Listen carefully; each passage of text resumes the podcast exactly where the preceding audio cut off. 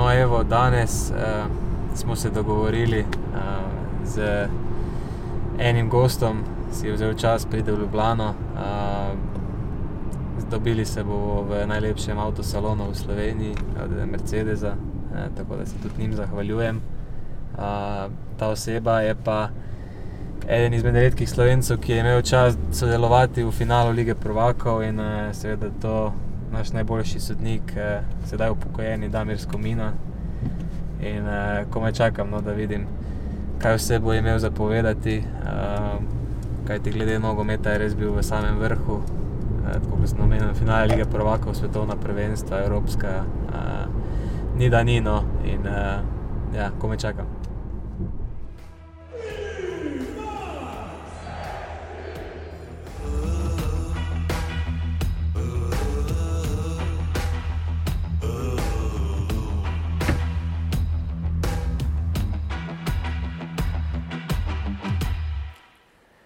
Evo nas uh, danes v moji družbi, um, eden, ena največjih legend slovenskega nogometa, uh, najboljši slovenski sodnik, uh, ki je v bistvu dal vse, vse kar se lahko da čez v nogometu, uh, Damir Skomina.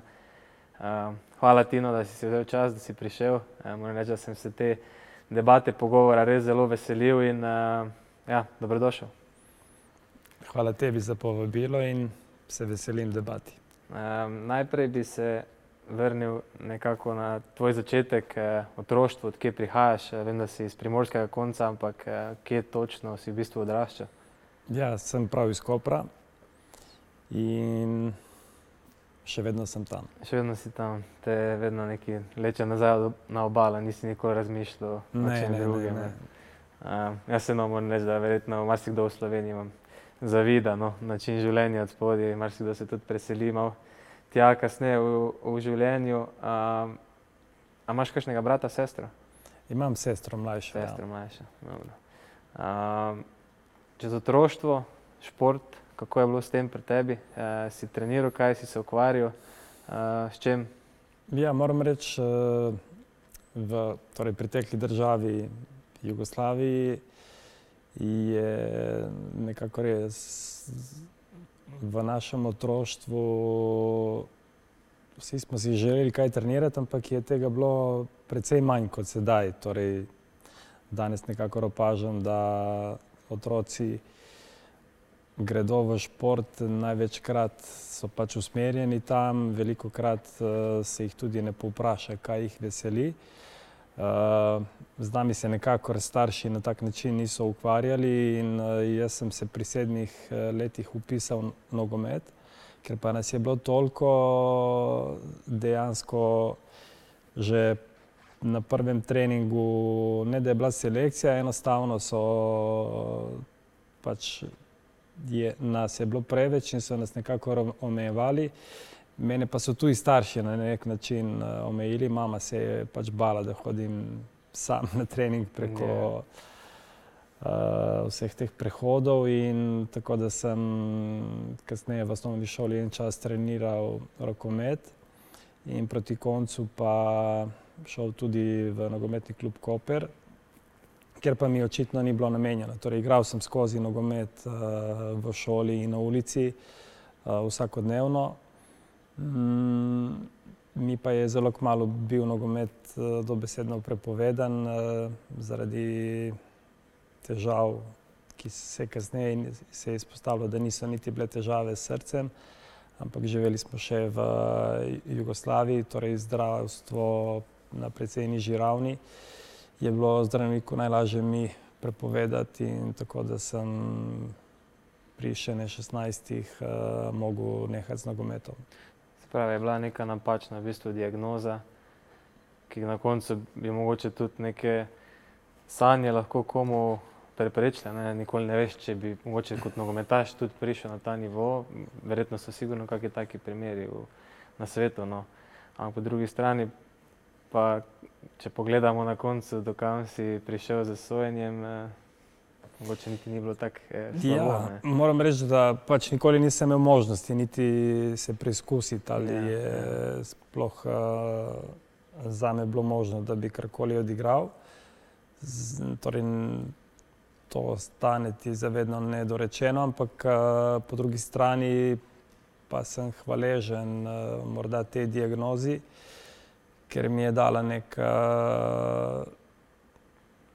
karakter, da ne sprejmem te diagnoze, ker zdravniki so mi nekako odsvetovali praktično vse, tudi dvigovati bremena teže od petih kilogramov, kar pomeni na nek način, če bi jih poslušal, bi bil na pol invalid. Kdaj ste pa pol ugotovili, da je bila napačna? To je bilo potem nekako pri dvaindvajsetih, triindvajsetih letih, mi je prav se spomnim enkrat kardiologinja, ker sem vsako leto šel potem na te kontrole, mi je rekla, da nimam nobenih omejitev in da grem lahko tudi na olimpijske igre. Ja, saj ne, ker konec koncev na koncu poklic, ki si ga opravljal, napor je skoraj enak nogometaša, ne, kilometrina, tek. Ja, napori so izredno veliki, okej, nogometaš vseeno ima večji tempo. Večji, pač prihaja do ravsanja in moraš v zadnji stotinki sekunde nasprotniku žogo izbiti oziroma se izboriti za položaj, tako da vseeno je biti nogometaš še veliko bolj gladiatorsko. Je pa tudi biti sodnik, sploh pa na nekem profesionalnem nivoju, če govorimo o mednarodnem sodniku, moraš biti zares fit in dobro pripravljen. Ja, to bi jaz mogoče še eno zanimivo za sebe povedal, ne, to nisem, po mojem sploh noben ne ve tega, oziroma imam zdaj prvič javno povedati, da sem jaz imel podobno situacijo. bila je, ne vem, neko leto v osnovni šoli, saj ne vem, koliko sem bil star, verjetno dvanajst let. In smo se nekaj igrali pri športni vzgoji in sem se zaletel z enim in mi je pač zvilo vrat in sem šel v bolnico, nisem mogel obračati vratu. In so me pač dali na rentgen, slikali in so opazili, da imam dva vratna vretenca skupaj zaraščena in da sta pač gibljivo omejena. In prvo je bilo tako iks, ja, to šport ne smeš, ne.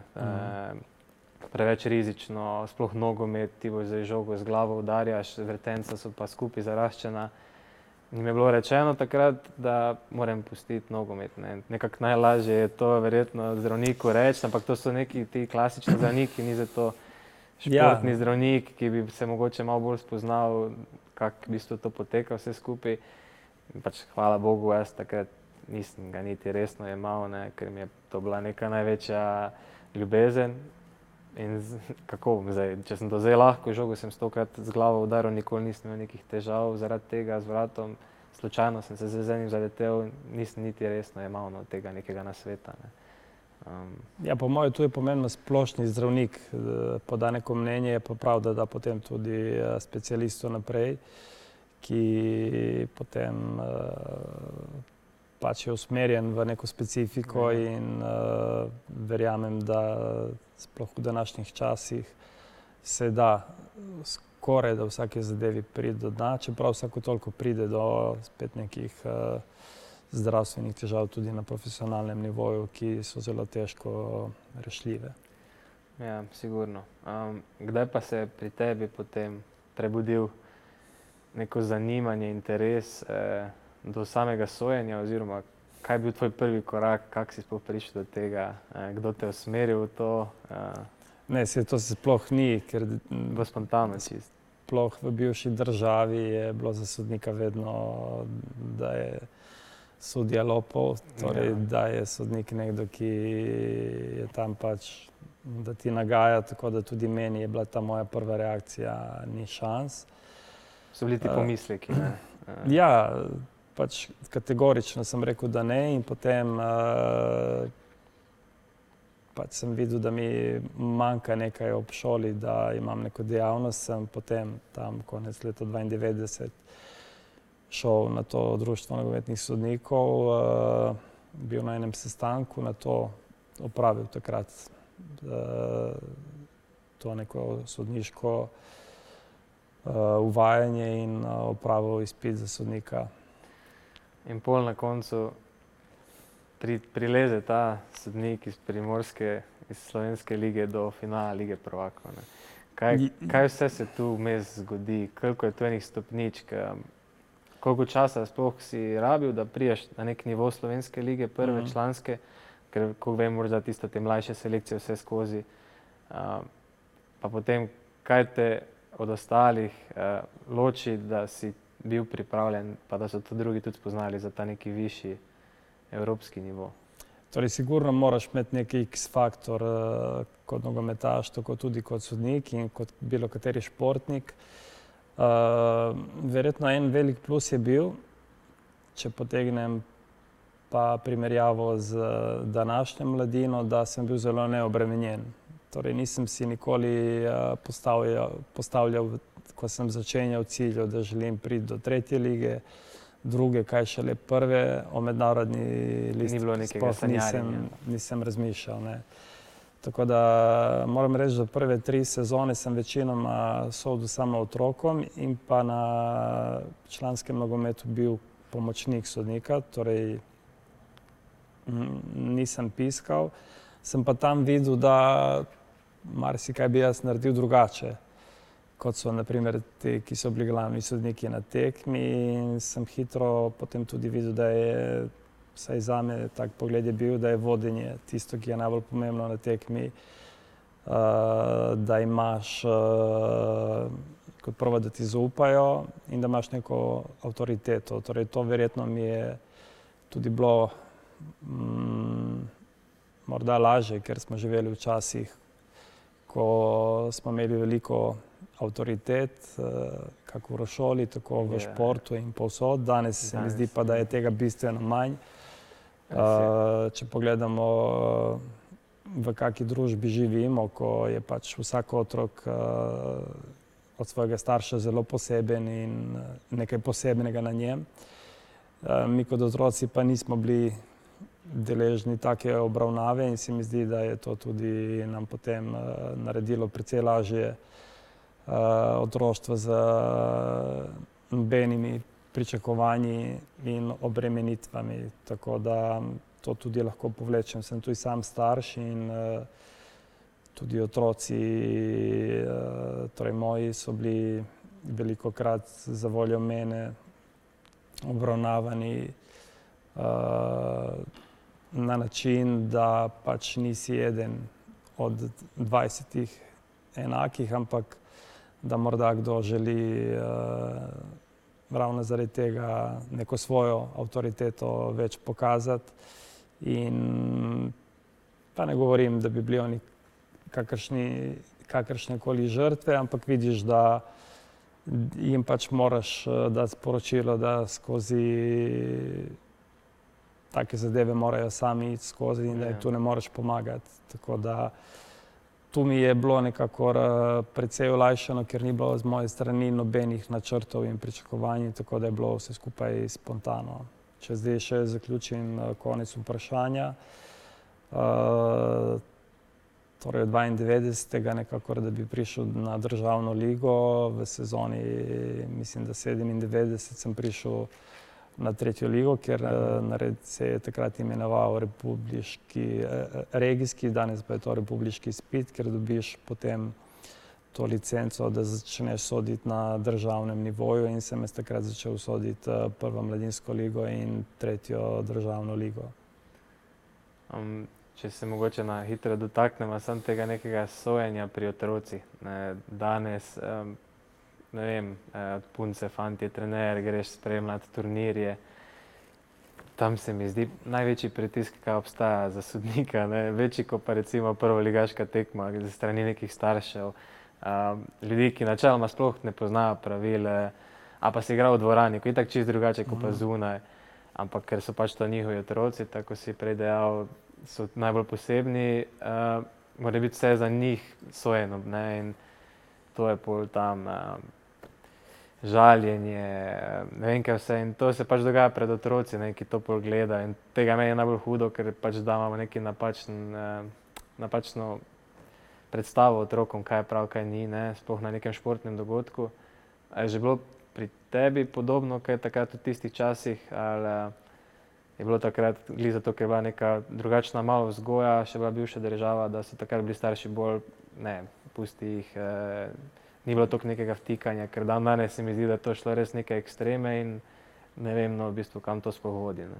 Ja, pelje nikamor, zagotovo. Torej, bilo je podobno, ampak eh, predvsem manj staršev je to zanimalo.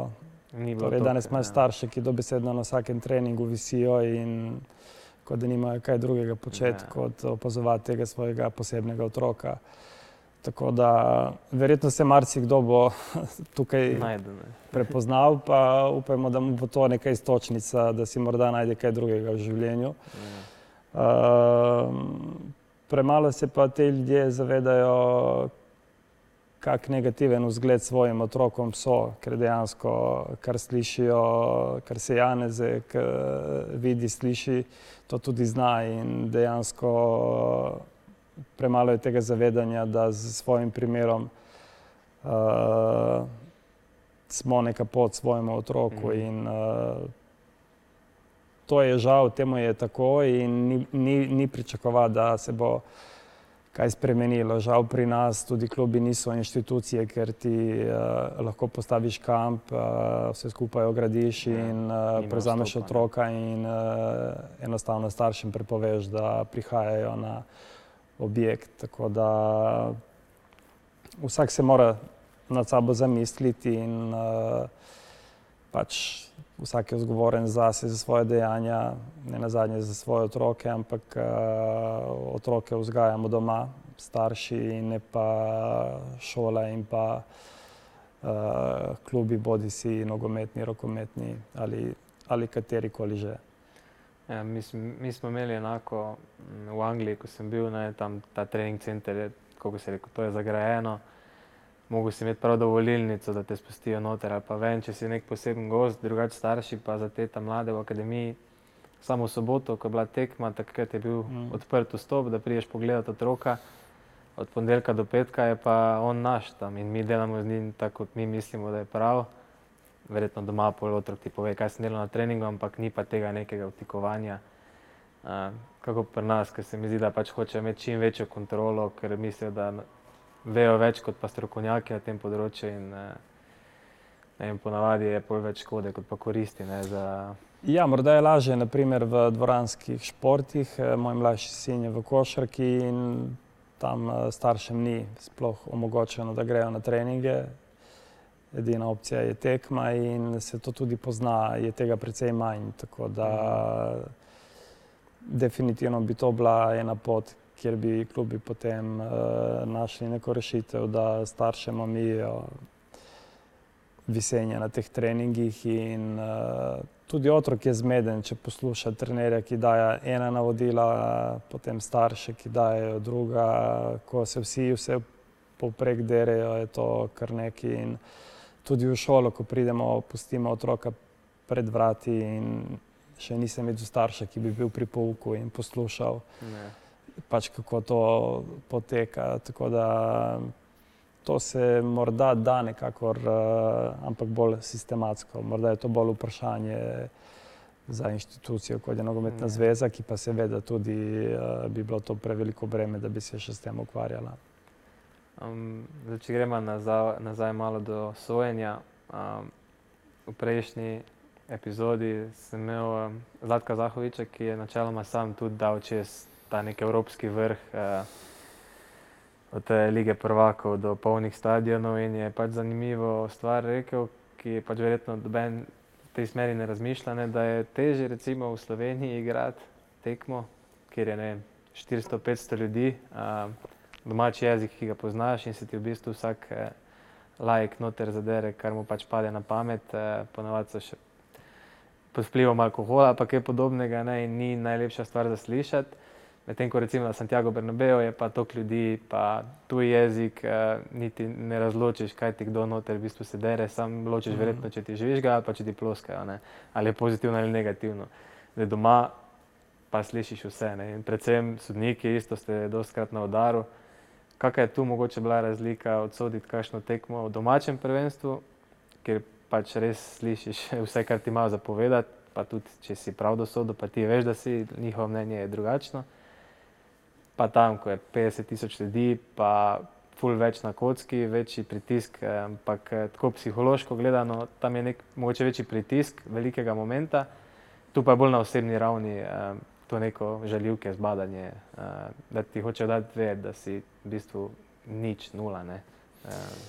Ja, bolj ko dajes tem stvarem pozornost, slabše stojiš. Tako da enostavno ni primerjave. Naprimer, kot je tekma, ko je derbi, ko se zbere 10.000 ljudi ali pa več, kar je žal pri nas Maksimum. bolj izjema. In, uh, izjemoma, uh, torej redko je zunaj, sploh na top mednarodnih tekmah, uh, imaš en velik privilegij, da sodiš, uh, sploh pa igravci, ki igrajo na, na takih. Uh, dogodkih, uh, ker tudi izvlečeš iz sebe lahko res svoj maksimum, uh, ker ti ni potrebna neka posebna motivacija. Pa čeprav ljudje smo taki, da se hitro prilagajamo in navadimo, enostavno v vsakem cepcu pa tudi ne gre res dajati pozornosti in da boš uh,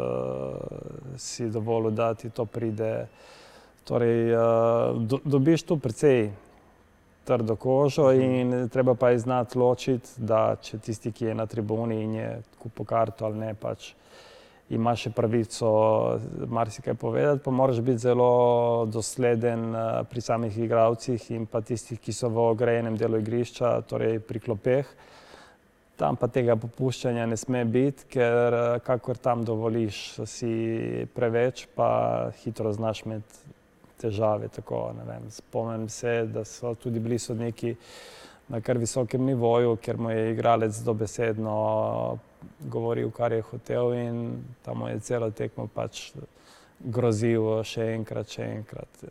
Tu, enkrat, ko si dovoliš nekaj takega, je po tebi. Tako da tu sem znal biti zelo principialen in uh, Seveda pa sodnik ni tam, da bi bil uh, preganjalec, da mu nihče ne sme nič reči. Torej, treba je pa spet najti, seveda, to z leti, z, z izkušnjami pridobiš in koliko imaš ta šmek, da znaš najti kontakt uh, s kom, uh, tudi sam veš v ekipi, da ni vedno nojno kapetan, torej tisti, ki ima trak, da je nekaj več. Uh, imaš tudi tihe liderje in mm -hmm. take pridobiti. Uh, na svojo stran, kakor tudi uh, mora biti pri, pri trenerju ali pa pri pomočniku trenerja. Tudi tam so uigrane zadeve, zdaj ko so kartoni, uh, se morda trener toliko ne izpostavi.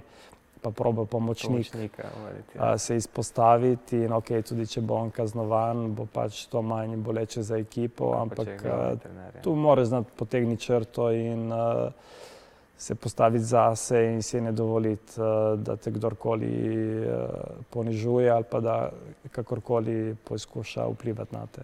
Ja, po mojem je ful pomemben ta nek eh, prvi moment, ko pride mogoče do te neke take situacije, ker kot igralec na igrišču jaz isto vidim, poslušam, kako z nasprotnikom sodnik komunicira ne, in zdaj tako si rekel, da je bil igralec, ki mu je recimo celo tekmo nazaj govoril, če ti tega takoj na začetku ne odrežeš, eh, si pečen, v bistvu pol.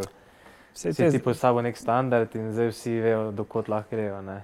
Te zakonitosti so posode enake kot uh, na ulici, tako tudi, ko prideš, uh, ne vem, boš prišel na, na upravno enoto, kolikor se ne boš obnašal, te bodo varnostniki mm. pač uh, zapodili ven. Enako je uh, Uh, enako je trenerju, ko ima igralce na treningu, pač nekdo, ki je dober vodja, mu bodo igralci sledili. Tu jim morda se kdaj ne bodo strinjali, ampak bodo zaupali. In če to zaupanje je, tudi ko morda bi naredil sam kaj drugače, pač uh, izpolnjuje te ja. neke, ker verjetno z nekimi izkušnjami ima vse nek svoj namen, tako da tudi pri sojenju sam si vse izgradiš, eh, zelo hitro pa si lahko tudi sam uh, porušiš, tako da tu moraš znati vedno kaj dodati, kaj vzeti. Torej, še zdaleč ni sojenje samo zapiskati ali ne. Ali je, torej, tam, ko so črno-bele situacije, je za vse lahko, tudi, yeah. tudi igravcu žogo v prazna vrata poriniti ni težko. Point je pa na postavljeno obrambo nekaj narediti. Enako je tu i za sodnika, ko so kočljive situacije, kako se postaviti. Uh, Torej, psihologija, vodenje množice je, energije, je, je ful pomembna. Pa, ja. Ko sprejme odločitev, tudi na kak način jo pokažeš. Če ti piskaš na penal, pa roka bi ne bi, a pa da je tisto res odločno. Govorica, govorica telesa. Ja. Govorica ja. telesa, torej body language, je, je zelo pomemben. In enako pri igravcih. Imaš igravce, ki so zelo dobri, niso pa odlični, zato ker z govorico telesa ne izkazujejo tisto nekaj več. Torej, tudi to je en X faktor, ja. ker uh, vidiš igralca, ki veliko tega ima, ampak deluje, kot da je nezainteresiran. In, uh, ogromno je teh malih detajlov, ki pol uh, više kot prihajaš, kakor za sodnike, ja. tako tudi za igralce. Pač, odličnost je tam to grlo je vedno ožje in uh, kompletna pakunga je pa tisto, kar, kar na koncu se klub in enako tudi vodstvo pri sodnikih odloči, koga poriniti naprej, koga pa ne. Um, zdaj sama priprava na tekmo pri tebi osebno, uh, kako se je razlikovala recimo tekma Lige prvakov ali pa Evropsko svetovno prvenstvo? Primerjavi z nekim slovenskim nivojem, ker si imel vsak vikend te tekme, tiste so pa res neke posebne priložnosti.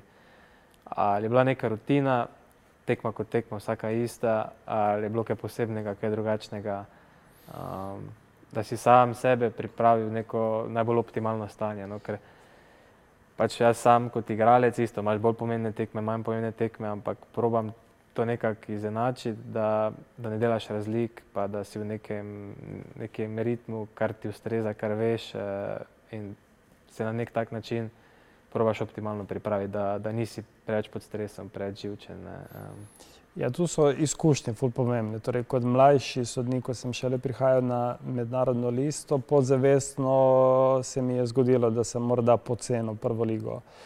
Potem pa vidiš, da kako težko je vse skupaj izgraditi, In v kasnejših letih si nisem dovolil, tudi če sem šel v sodi tretjo ligo, da bi si za voljo svoje malomarnosti uh, zapravo ime, ugled.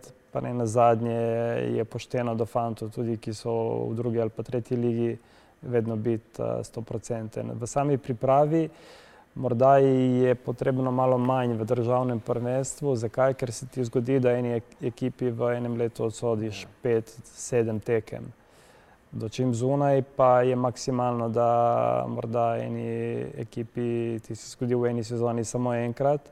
Torej, vemo, koliko menjav je v 12 mesecih eh, v ekipah in če sodiš, eh, naj bo to Real, Barcelona ali kdorkoli, mu v letu 2022 in 2024 pride do ogromno menjav in se moraš res temeljito pripraviti.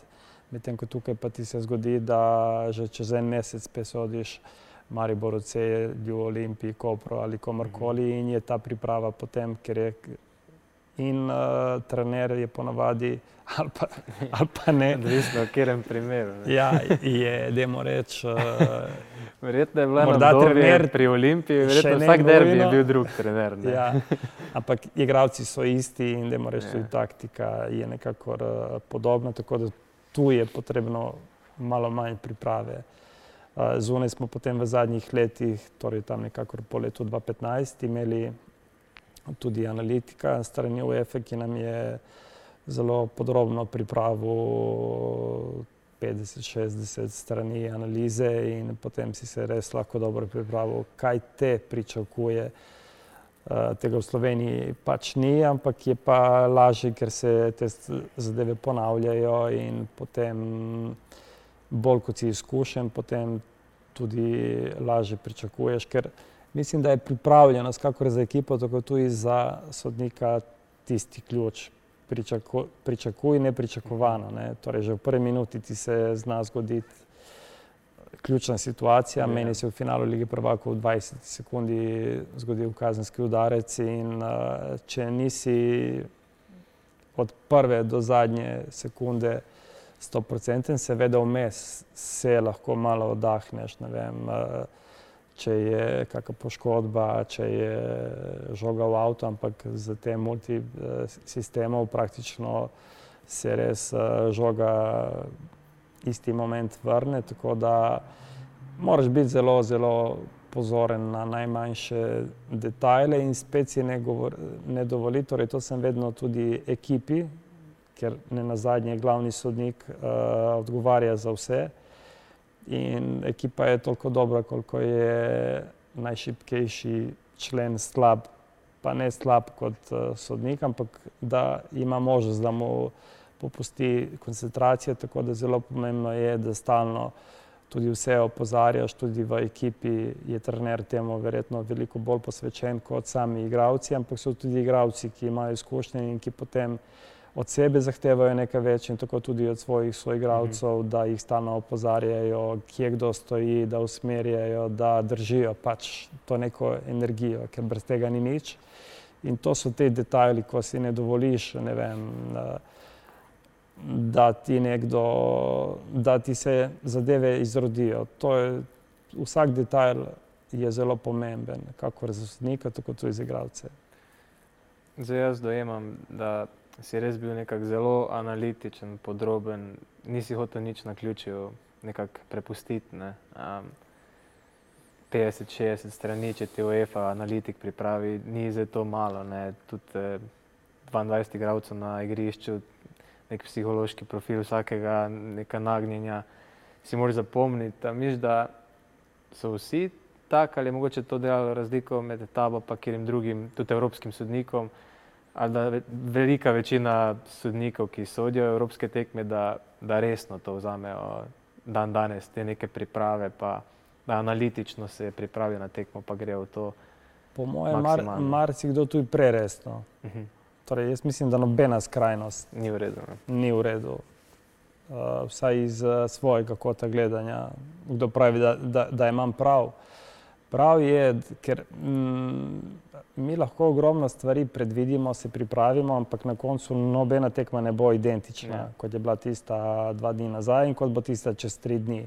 Lahko predvidevamo, lahko imamo neke uh, vzorce, ampak spet zadeve so spontane. Ne bo igralec identično štartov, kakor ne bo jo vedno na enak način zavrnil, kar še enkrat bo probo nekaj nepredvidljivega, ker na koncu se mi zdi in sem prepričan, da je tudi nogomet igra, kjer je treba prevarati nasprotnika, poizkušajo pa tudi prevarati sodnika. Zdaj cilj upravičuje sredstva. Imamo mogoče en angliški uh, stil, kjer je tega bistveno manj. Kakor gremo bolj južno, je pa brez uh, nekega obzira, zmagaj, pa čeprav boš ne vem, kako prevaral ne. tudi sodnika. Torej, cilj uh, se ne izbira sredstva, da se prije do cilja. Tako da jaz mislim, da sem bil nekako v neki sredini nisem šel v zelo podrobne detajle.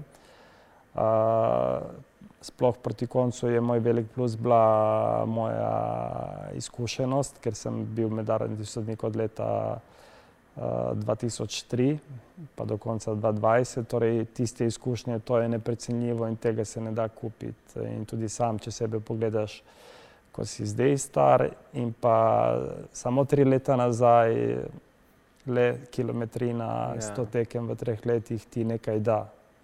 In enako je pa, meni se je to dogajalo 18 let, pa tisoč tekem. In veliko krat presodiš in tako verjetno tu igralec na igrišču naredi nekaj iz nekega feelinga. Jaz veliko krat nisem videl, kaj se je zgodilo, ker so zadeve toliko hitre, pa potem po občutku kako je igralec padel, kakšna je bila dinamika gibanja, kakšna je bila hitrost. potem na nek občutek si, si mogel sprejeti odločitev. Torej, tudi če nisi zapiskal, si jo sprejel, ker si pustil, da, da igra teče dalje. To je mogoče tudi razlika, nekoč pa danes, ne presodniki. Zdaj, var, pa tudi ko si rekel, da v bistvu ti nekako držiš celo ekipo pod kontrolo, pa da so na 100% fokus. To je verjetno zdaj lažje, ker imajo slušalke. Včasih tega tudi ni bilo, da se je to sploh peljalo. Ja, da moram reči, da z, z slušalkami smo nekako začeli tam 2-8. Se pravi, ti si bil torej, že na top nivoju, preden so bile slušalke. Ne? Ja, uh, te, tehnologija pač gre naprej in hvala Bogu, da danes je var. Zakaj? Ker v prvi vrsti je bil nogomet prvo pač šport in zabava za ljudi. Danes je v prvi vrsti to en velik biznis uh mhm. -huh. in ne more se zgoditi, da uh, v letu 2024 bi, kar gledalci v 3 do 5 sekundah vidijo že v posnetku, zadevo zelo jasno, ker ti kamera pokaže kot imamo več, ko je, torej više, ko gremo večje kamere in kamera pač pokaže tisto resnico. Ja.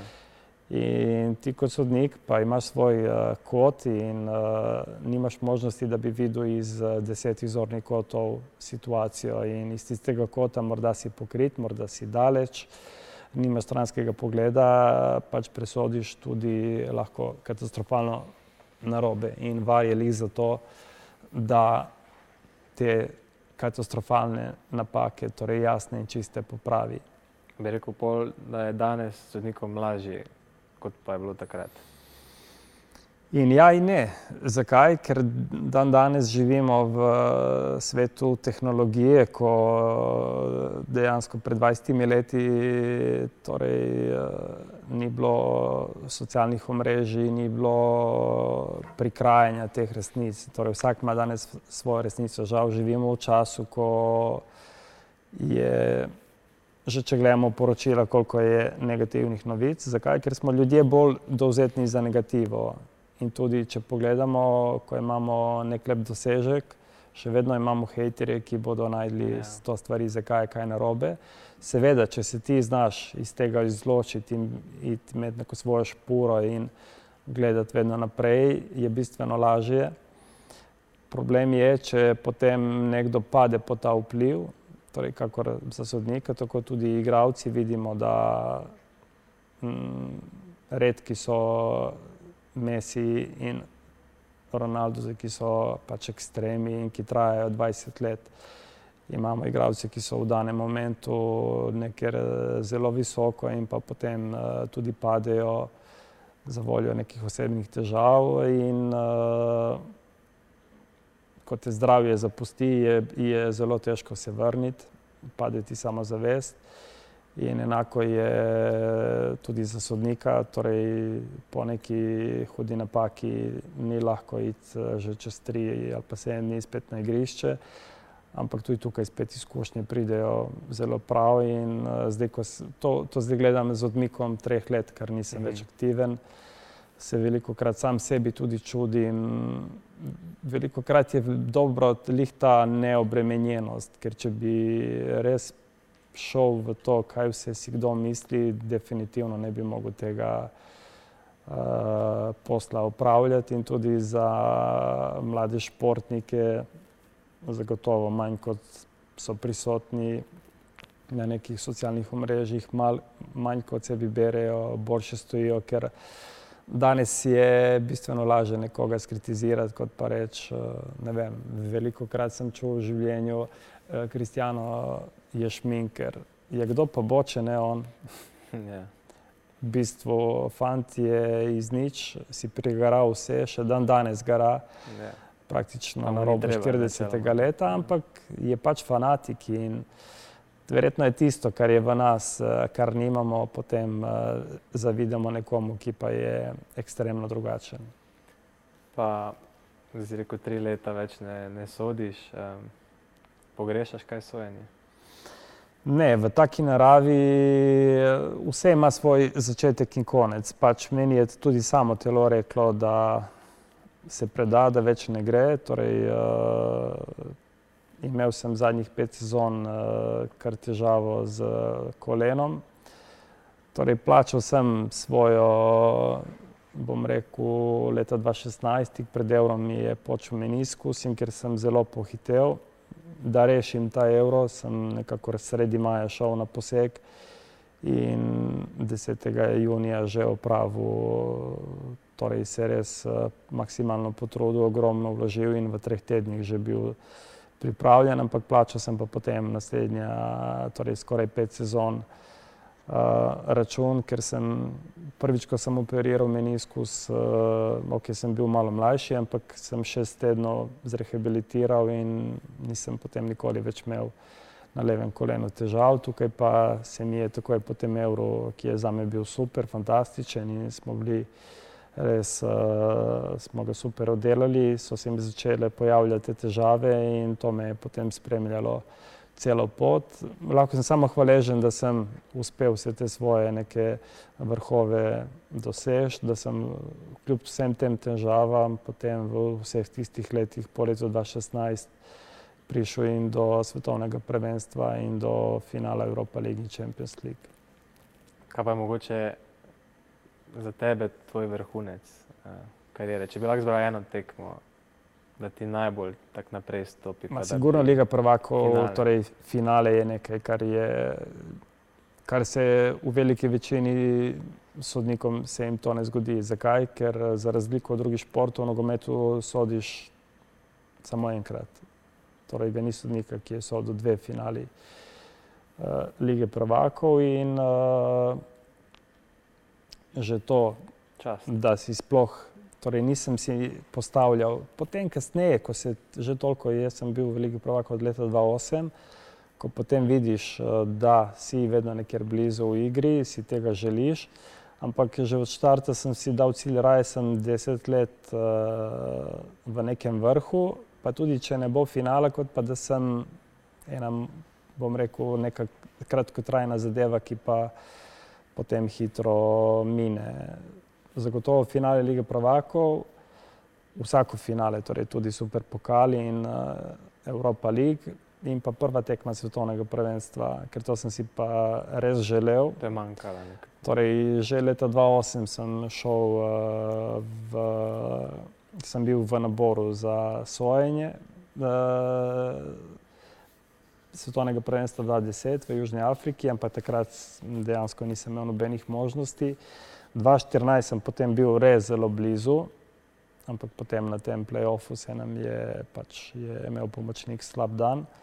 In vplival to na ja, celo ekipo. Ne? Če bi pač bil iz velike države, bi se zamenjal pomočnik in ne bi vplivalo nič. So tudi take eh, opcije. Načal. Ja, torej do takrat uh, pač slovenskega sodnika ni bilo niti blizu uh, svetovnega prvenstva. In tako da potem pa v Rusiji 2018 uh, sem končno prišel nekako zraven in uh, to je poleg vseh teh finale, sigurno ta prva tekma je bil en vrhunec. Ti si, da če malo pomislim, da je finale lige prvakov, načeloma edini slovenec, ki je bil akter, med glavnimi, pa da ni izgubil. Ne? Ostali vsi slovenci, ki so prilezli do finala, nekako se jim ni. Ja, dobro, kot sodnik eh, dejansko ti lahko zgubiš, da, ja. da za jo tekmo. Ja. Uh, Ampak misliš, da je teže priti na ta nivo kot sodnik ali kot igralec? Ker jaz sem razmišljal za to par dni, konc koncev na igrišče 12 igralcev, samo en sodnik je. Ne? Se pravi, 22 mest je, da mi se tja prebijemo, za sodnika pa samo en, eno mesto. Ne? In Zdaj, imamo Slovenci kar nekaj evropskih sodnikov, um, igralcev pa ni tok. Potem, če sklepam, so nekako slovenski sodniki na višjem nivoju, kot pa so slovenski nogometaši. Ne, ne bi se s tem strinjal. Zato, ker je nogomet je daleč najbolj mnogoljuden šport. Tako je torej, konkurenca velika. Ne? Verjetno je več nogometašov, kot je za vse ostale športe žogo skupaj. Ja, ja. Že zaradi tega, ker je to najbolj dosegljivo. Uh, sploh te mnogoljudne države, od uh, Indije in Kitajske, ki jih na nogometni karti nekako ni, ampak sem pripričan, da tam je ogromno fantov, ok, oni imajo svoje nacionalne športe, sploh v Indiji, mislim, da je to, uh, tu mi pomaga. Ne vem, je- kako se imenuje, ampak Ja. ja. nekaj misliš, ne, ko se nekaj lovijo. Ne. Kako? Kriket, A, bravo. to je kriket. Ja. Uh, ampak ne vem, ena Afrika definitivno je z naskokom uh, nogomet Ja. uh, številka ena, zato ker je to tudi Nek najlažje je, ne, v, ne rabiš v neke infrastrukture. osnovi, ne. v osnovi na ulici ne rabiš niti igrišča, Ja. ampak dva kamna, torej štiri kamne in torej tudi brez nekih črt se da. Da. Mi smo brez žoge si igral, ne si iz papirja naredil, nekaj si skupaj zvil, pa si brcal tisto. Ne. Ampak je pa to, uh, zdaj ti kot sodnik, uh, težko primerjam, ampak mislim, da biti nogomet, uh, torej to, kar sta dosegla Jan in Zlatko za priti v finale Lige prvakov, kot prvo že biti v takem klubu, ki pride v finale Lige prvakov in to je če dalje teže, ker je ta elita če dalje bolj zožena Ja. ja. z temi, bom rekel, nelojalnimi konkurencami, ko pač se pojavi nek šejk in naredi milijardni klub, eh, je toliko težje, torej sploh da naš klub pride v Evropo, kar je letos uspeli, uspelo Olimpiji in kar je stalno uspevalo Mariboru in pa še, še malo pred vami Muri. To je naša realnost, da je že to za naš klub, ko pride v Conference League, je to polfinale lige prvakov.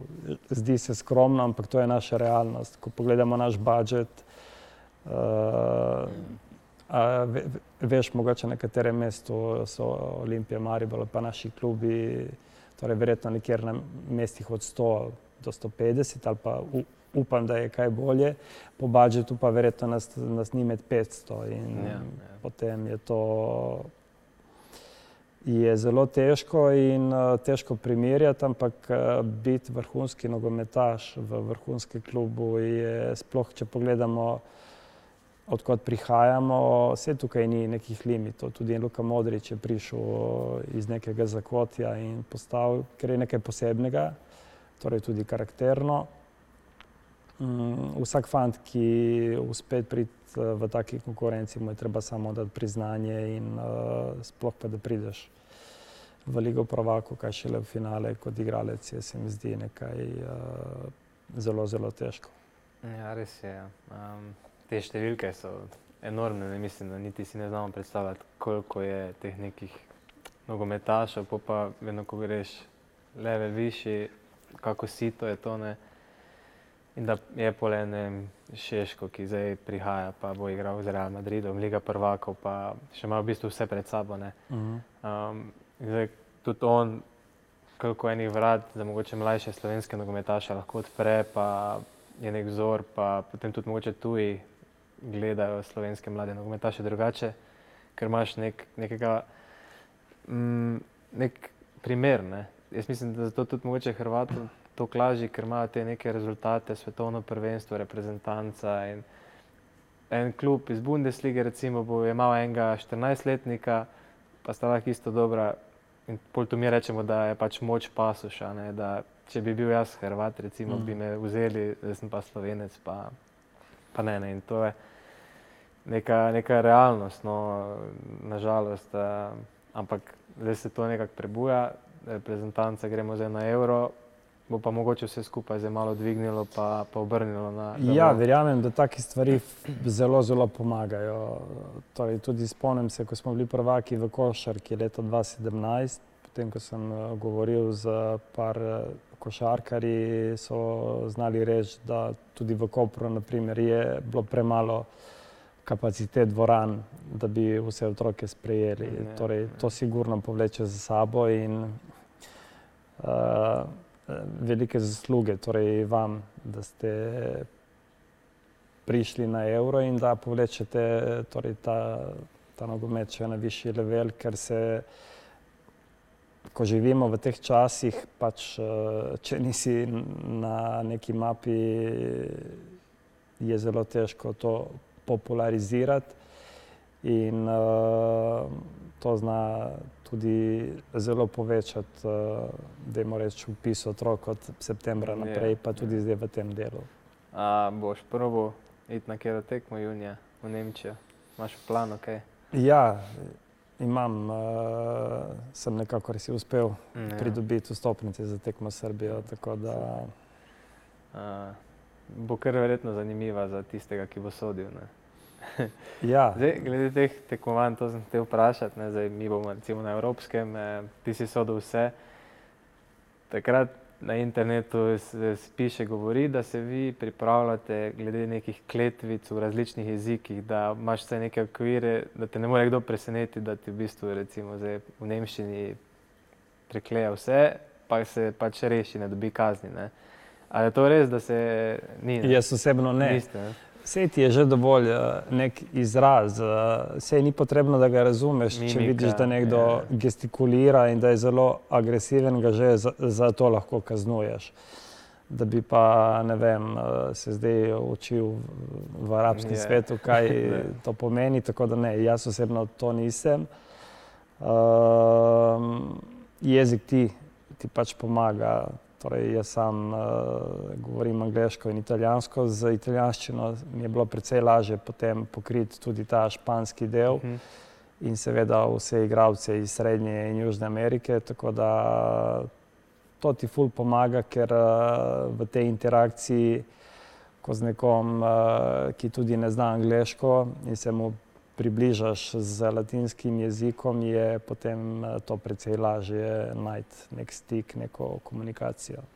Kaj pa če zdaj igralce daš tako v predalčke, od kje prihajajo, a so kakšne karakteristike za neko regijo, področje, da bi rekel, recimo Balkanci, pa igraš Ligo prvakov, ampak ima za en klub eh, dva iz naše regije, da so bolj vročekrvni, da so bolj temperamentni ali pa južnoameričani, da, da opaziš te Ja. razlike. No, ker si dal toliko tekem čez toliko različnih igralcev, če lahko pol neke zaključke. Balkanci so še kamilica, bolj ko gremo proti jugu, Aha, še hujše.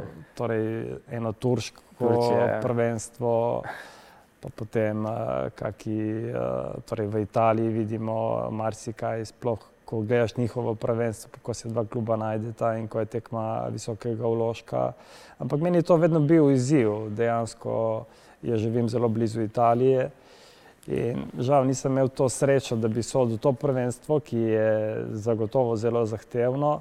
Ampak, ko vidim so, sodnika, ki sodi uh, serije A in mu nekdo gestikulira in se mu, mu počne, kar se mu zljubi, mi je kar. Uh, enostavno tu je karakter ful pomemben. ne vem. Mhm. Jaz sem znal reči, ne vem, je en Gatuzo, ki je bil vedno ultra energičen, ampak jaz sem mu prvič tako rekel, meni tega ne boš delal. In konec. Ja. In če ti postaviš uh, eno mejo, zdaj samo neumen, ti pač ne bo šel naproti. Ampak treba znati reči, uh, gledaj, zdaj pa dovolj. A si imel mogoče v otroštvu, ali pa ko si še treniral, igral nek uh, najljubši klub, recimo, in da so se ti mogoče neke sanje uresničile, če si na tistem stadionu odsodil tekmo. Ker zdaj, recimo, jaz mm. od nekdaj tako Barcelono spremljam, so mi sanski klub. In zdaj, da bi lahko na Camp Nou zaigral, to bi mi bilo ono, nekaj posebnega. Ne? Je kak stadion, ki ti je bil posebej pri srcu, pa da si imel čast pa privilegij tam eh, odsoditi tekmo. Veš kaj, sem, jaz sem v bistvu že pri 16 začel, začel soditi in potem kaj kmalo dobiš trdo kožo, tudi če sem simpatiziral v bivši državi en klub iz uh, velike četverke. Mhm.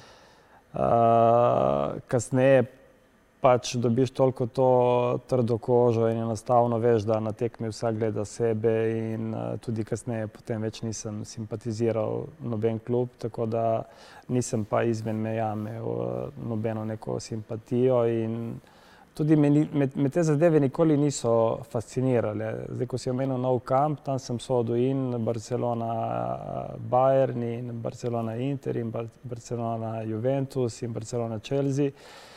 Ampak nisem si nikoli dovolil, da bi me to toliko, uh, kako bi rekel, impresioniralo, da ne morem ostati sebi dosleden. To je pa, da pač, kar je moja vloga, da to oddelam. Ne? in takih kultnih od Wembleya do Santiago Bernabeu, pa na zadnje finale Champions League na ja. Wandi. Enostavno zelo dobro je, če si neobremenjen in se čim manj s tem, uh, lepo si je izpolniti neke otroške, vse to so moje izkušnje, uh, sanje, ampak bolj kot se s tem potem identificiraš, teže ti je. Morda danes mladini, ki je toliko, toliko informacij je v glavi, pa je morda celo laže, ker se mi zdi, da nekdo, ko je uspešen, kot je bil Real Madrid v zadnjih letih v Champions League, pa da pri otrocih se to bistveno hitreje zamenja, ker se te trendi tako hitro menjajo mm. in toliko je teh nekih motilcev pozornosti, da to zna biti tudi plus. Ne vem, en Šeško, ki je zdaj že tako visoko, je pa tudi zasluga, da je imel takega agenta, ki ga je znal zelo prizemljiti in ki ga je tudi usmeril v mogoče en manj uh, imeniten ali pa luksuzen klub, vsaj po imenu, ki pa je za vse naše klube še vedno je, institucija. institucija, kot je Red Bull Salzburg, da so ga usmerili tam, ker so vedeli, da bo dobil tisto, kar potrebuje za naslednji korak in pa da ni šel, mora biti v en klub uh, Serie A, ker smo imeli ogromno mladih fantov, pa sam razen uh, Handanoviča, ki je šel tam kot še skoraj otrok, pa da je potem uspel po veliko peripetijah priti in, in ko je dal skozi vse te prepreke, je lahko potem 15 let bil res na tem top nivoju. Veliko pa imamo fantov, verjetno sto ali pa več, ki o njih pač nismo čuli potem naprej ja, več. Uh, veliko, ker je zelo težek zalogaj, prevelik korak, velika konkurenca in enostavno zelo je pomembno tudi tisti, ki te usmerijo v karieri, da ti pravilno svetuje. Ja, včasih je težko tu se pravilno odločiti, ne marsikomu verjetno prevaga neko veličina kluba in me, ne gledajo pa, kaj je najboljše za mene, za moj razvoj, ne, kje bom največ napredoval, pa da bom imel bolj optimalno pot za naprej. Um, če damo primer Šeškota, mislim, da se težko bi boljše odločil. Ne. Pa je verjetno mm -hmm. imel tudi kakšne večje snupce, ampak so rekli, ne, Red Bull, akademija, delajo to, tu boš ti najbolj napredoval. In zdaj po neki bolj zdravi poti, pa verjetno ima prej odprta vrata v en da res pride klub, kot pa če bi šel tja direkt, ja. pa da bi tam skozi njihovo akademijo, mm. ker jih je toliko manj, ne, realno en Bayern München svojih krkov zameš, pa če oni če rabijo koga ga kupijo. Um, tako da ja, tu so se sigurno pravilno odločili. Um, mene še zanima v sami tekmi, koliko Damir Skomina prepozna, vidi. Eh, je prepoznal je prepoznal, je videl eh, neke res ekstra poteze, ekstra kvaliteto, ki se v bistvu neko magijo, mi rečemo, nogometaši, ki se zgodi okoli njega, ko so pač vsi ti top eh, nogometaši, je kakšna poteza, kdaj ko v glavi. Wow, mislim, to sploh nisem vedel, da je možno, ne, da nogometaš kaj takega naredi. Ali si ti v nekem transu, ko sodiš, pa je to kot res ono robotizem, veš kaj, in si pač fokusira na neke druge stvari, in ti te stvari mogoče ne, ne pridejo tako do tebe, mm -hmm. pa mhm. mogoče pol nazaj, da gledaš tekmo, se to, da res je to naredil, ne? nimaš sploh tako občutka.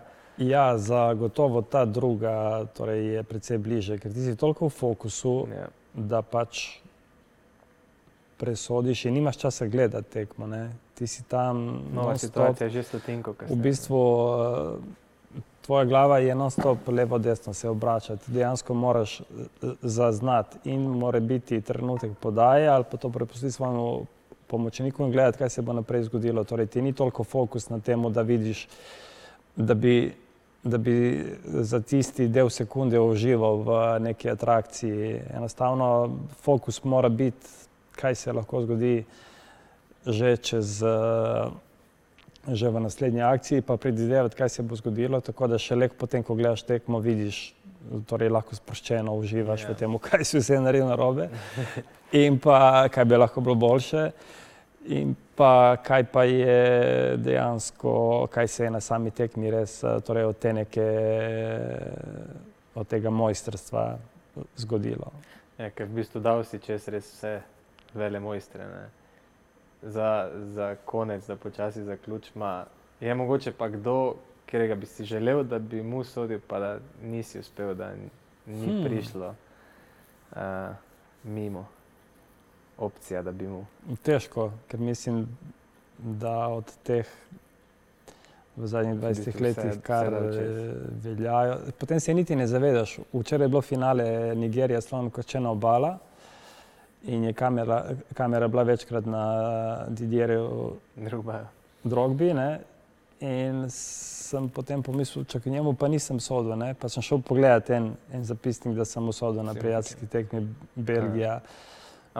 Slovno kočena obala. Ja ampak ena inštitucija od. Ja. od napadalca, pa ti gre mimo, ker sem samo enkrat mu pač za repko sodu. Mm, težko, da bi morda zidan, Mi, mislim, da njemu nisem. Si bil malo prepozen, verjetno. Ja, on je 2-6 končal, torej njemu nisem, ker sem v Franciji, naprimer, že pol leta kasneje sodel proti Argentini, ampak njega več ni bilo od teh pa potem mlajših, uh, verjetno vsem, ki, kaj, ja, ki kaj so veljali. Ja. Pa, ja. pa mogoče samo to na hitro. Si imel kdaj kjerega vzornika, uh, idola, med sodniki, seveda, uh, ko si začenjal, kjer so takrat bili največji. Pa, uh, da ti je bil kdo.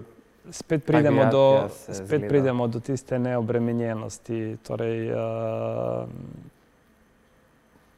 nisem, ne, ker se nisem po, po, po nikomer, torej probo sem biti res spontan. Sigurno je v tistem obdobju nekaj posebnega bil Kolina, ja, stopa, ki je ne. potem tudi skoraj desetletje bil moj šef in je tudi dan danes daleč najbolj prepoznaven sodnik vseh časov. Uh, ampak da bi kogarkoli kopiral, pa enostavno kopija ne. je vedno slabša od originala in tako Sigur. sem probal biti nekako uh, samo svoj.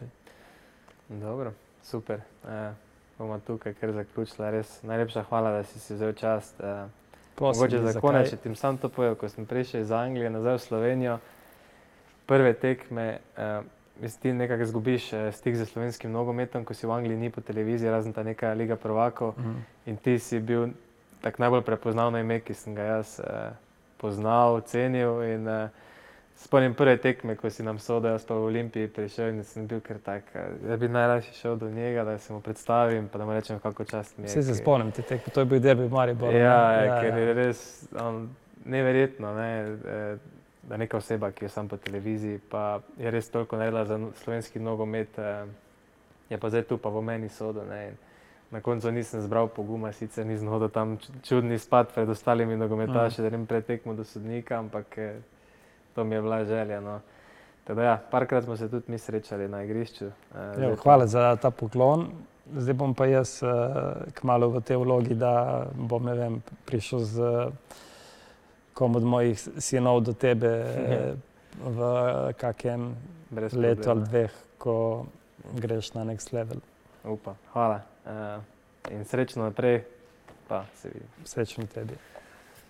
Hvala ti. Prosim.